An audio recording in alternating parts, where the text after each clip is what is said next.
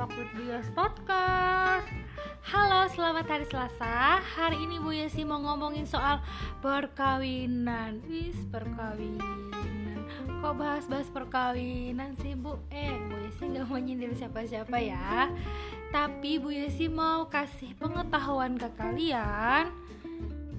Kalau di dalam sistem adat kita atau di dalam hukum adat kita ini banyak banget jenis bentuk perkawinan yang unik-unik menyesuaikan dengan sistem kekerabatannya dan juga suku-suku yang ada.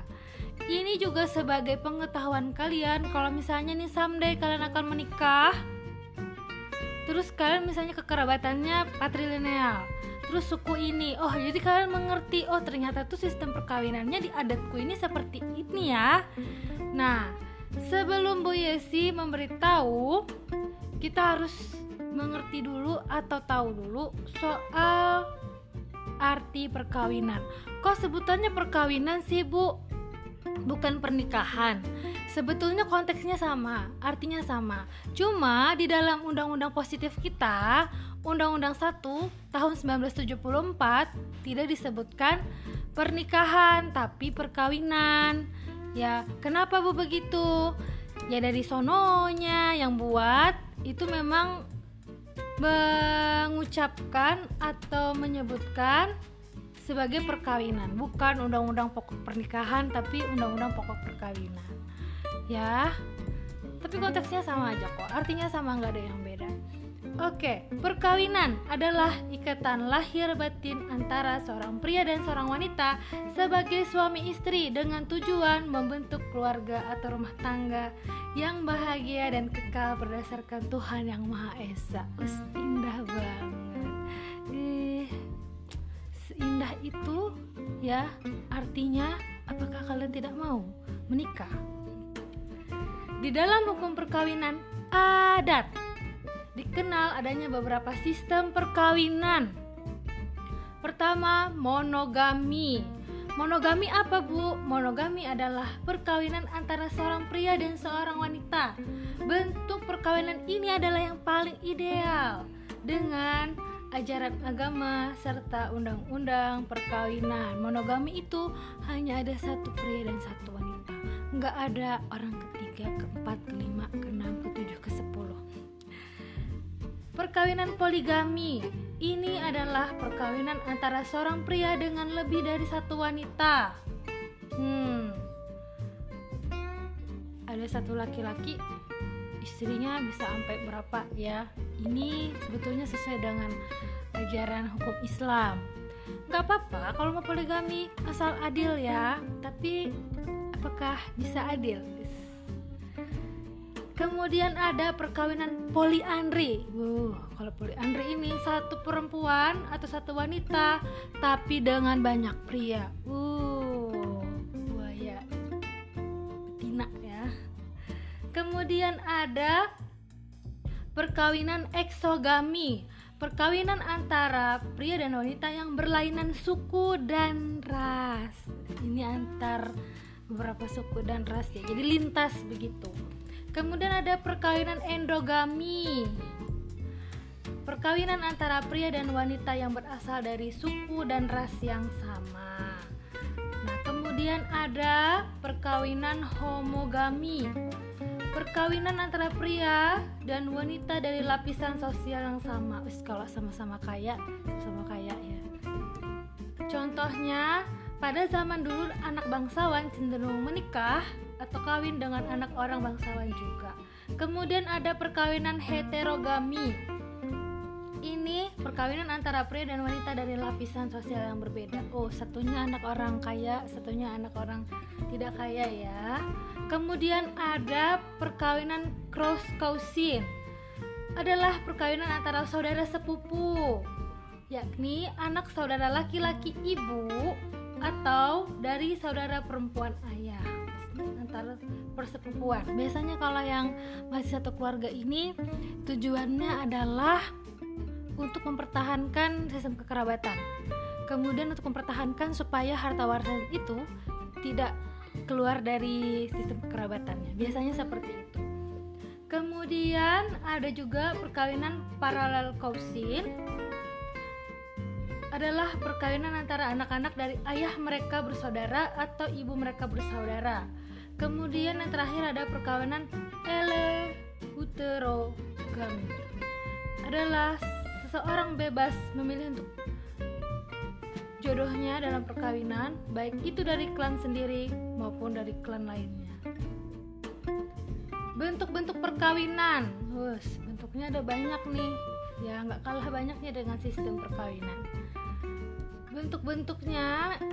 Yang pertama bentuk perkawinan menurut susunan kekerabatan. Jadi perkawinan pada susunan kekerabatan patrilineal si wanita berpindah ke dalam kekerabatan suaminya dan melepaskan diri dari kerabat asal. Kemudian juga yang matrilineal. Meskipun telah terjadi perkawinan namun suami dan istri masing-masing tetap berada pada kelompok kerabatnya sendiri. Sedangkan anak-anaknya masuk ke kelompok kekerabatan ibunya. Kemudian juga sistem kekerabatan parental. Ini setelah perkawinan suami istri masuk ke dalam kerabat suami dan kerabat istri. Jadi dua-duanya ya. Anak-anak juga masuk dalam kerabat bapaknya dan juga kerabat ibunya.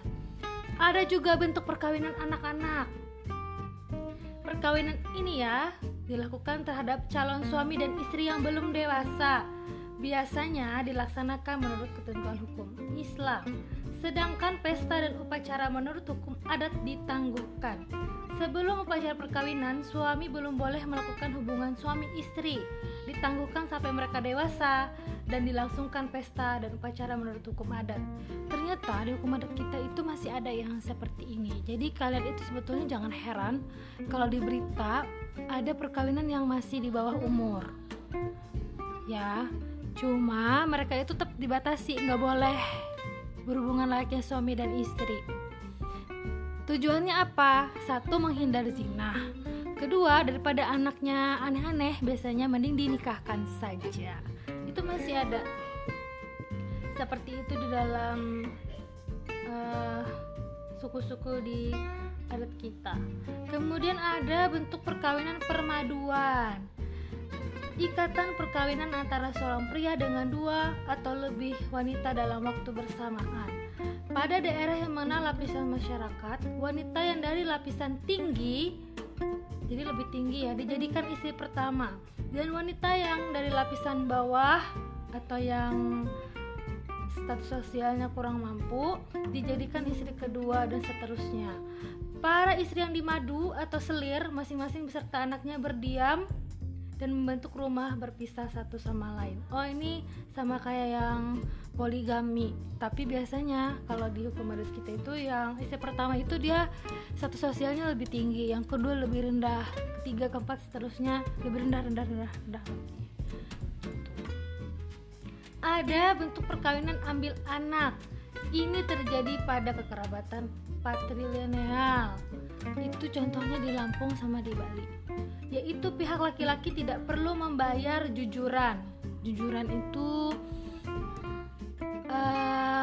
ini loh, Buya sih lupa apa sih jujuran itu seserahan. Dengan maksud mengambil si laki-laki atau menantunya itu ke dalam keluarganya agar keturunannya nanti menjadi penerus silsilah kakeknya. Bentuk perkawinan ini juga bisa terjadi pada masyarakat Semendo. Semendo itu di Rejang Bengkulu. Disebut perkawinan Semendo ambil anak dalam rangka penerus silsilah menurut garis perempuan. Ini maksudnya ambil anak tuh gimana sih bu? Jadi misalnya nih dalam satu keluarga itu nggak punya anak laki-laki ya anaknya perempuan semua kan dikhawatirkan tuh nggak ada penerusnya yang laki-laki ya udah dia ngambil menantunya juga sekalian dijadikan anak kandung. Posisinya akan sama. Harta warisannya juga akan sama bagiannya dengan anak kandung. Seperti itu. Nah jadi otomatis si laki-laki ini menantunya itu lepaslah dia dari keluarga asalnya.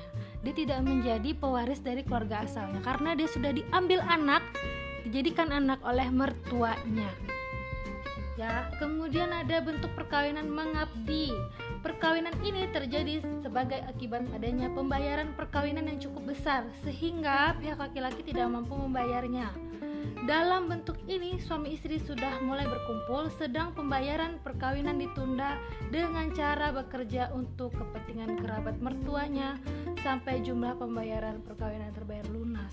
Ada gitu ya. Kemudian bentuk perkawinan meneruskan atau sororat adalah suatu perkawinan seorang duda atau balu dengan saudara perempuan mendiang istrinya Perempuan tersebut meneruskan fungsi istri pertama tanpa suatu pembayaran atau jujur atau seserahan. Perkawinan ini disebut perkawinan turun ranjang atau ngarang mulu di Jawa. Hmm, jadi kalau misalnya istrinya meninggal, si laki-laki ini boleh menikah dengan adik iparnya. Itu ada. Kemudian bentuk perkawinan mengganti atau leveran Perkawinan yang terjadi apabila seorang janda yang menetap di lingkungan kerabat suaminya kawin dengan adik laki-laki mendiang suaminya. Oh, kebalikannya. Kalau yang ini boleh menikah dengan iparnya ya. Jadi adik laki-lakinya atau adik suaminya.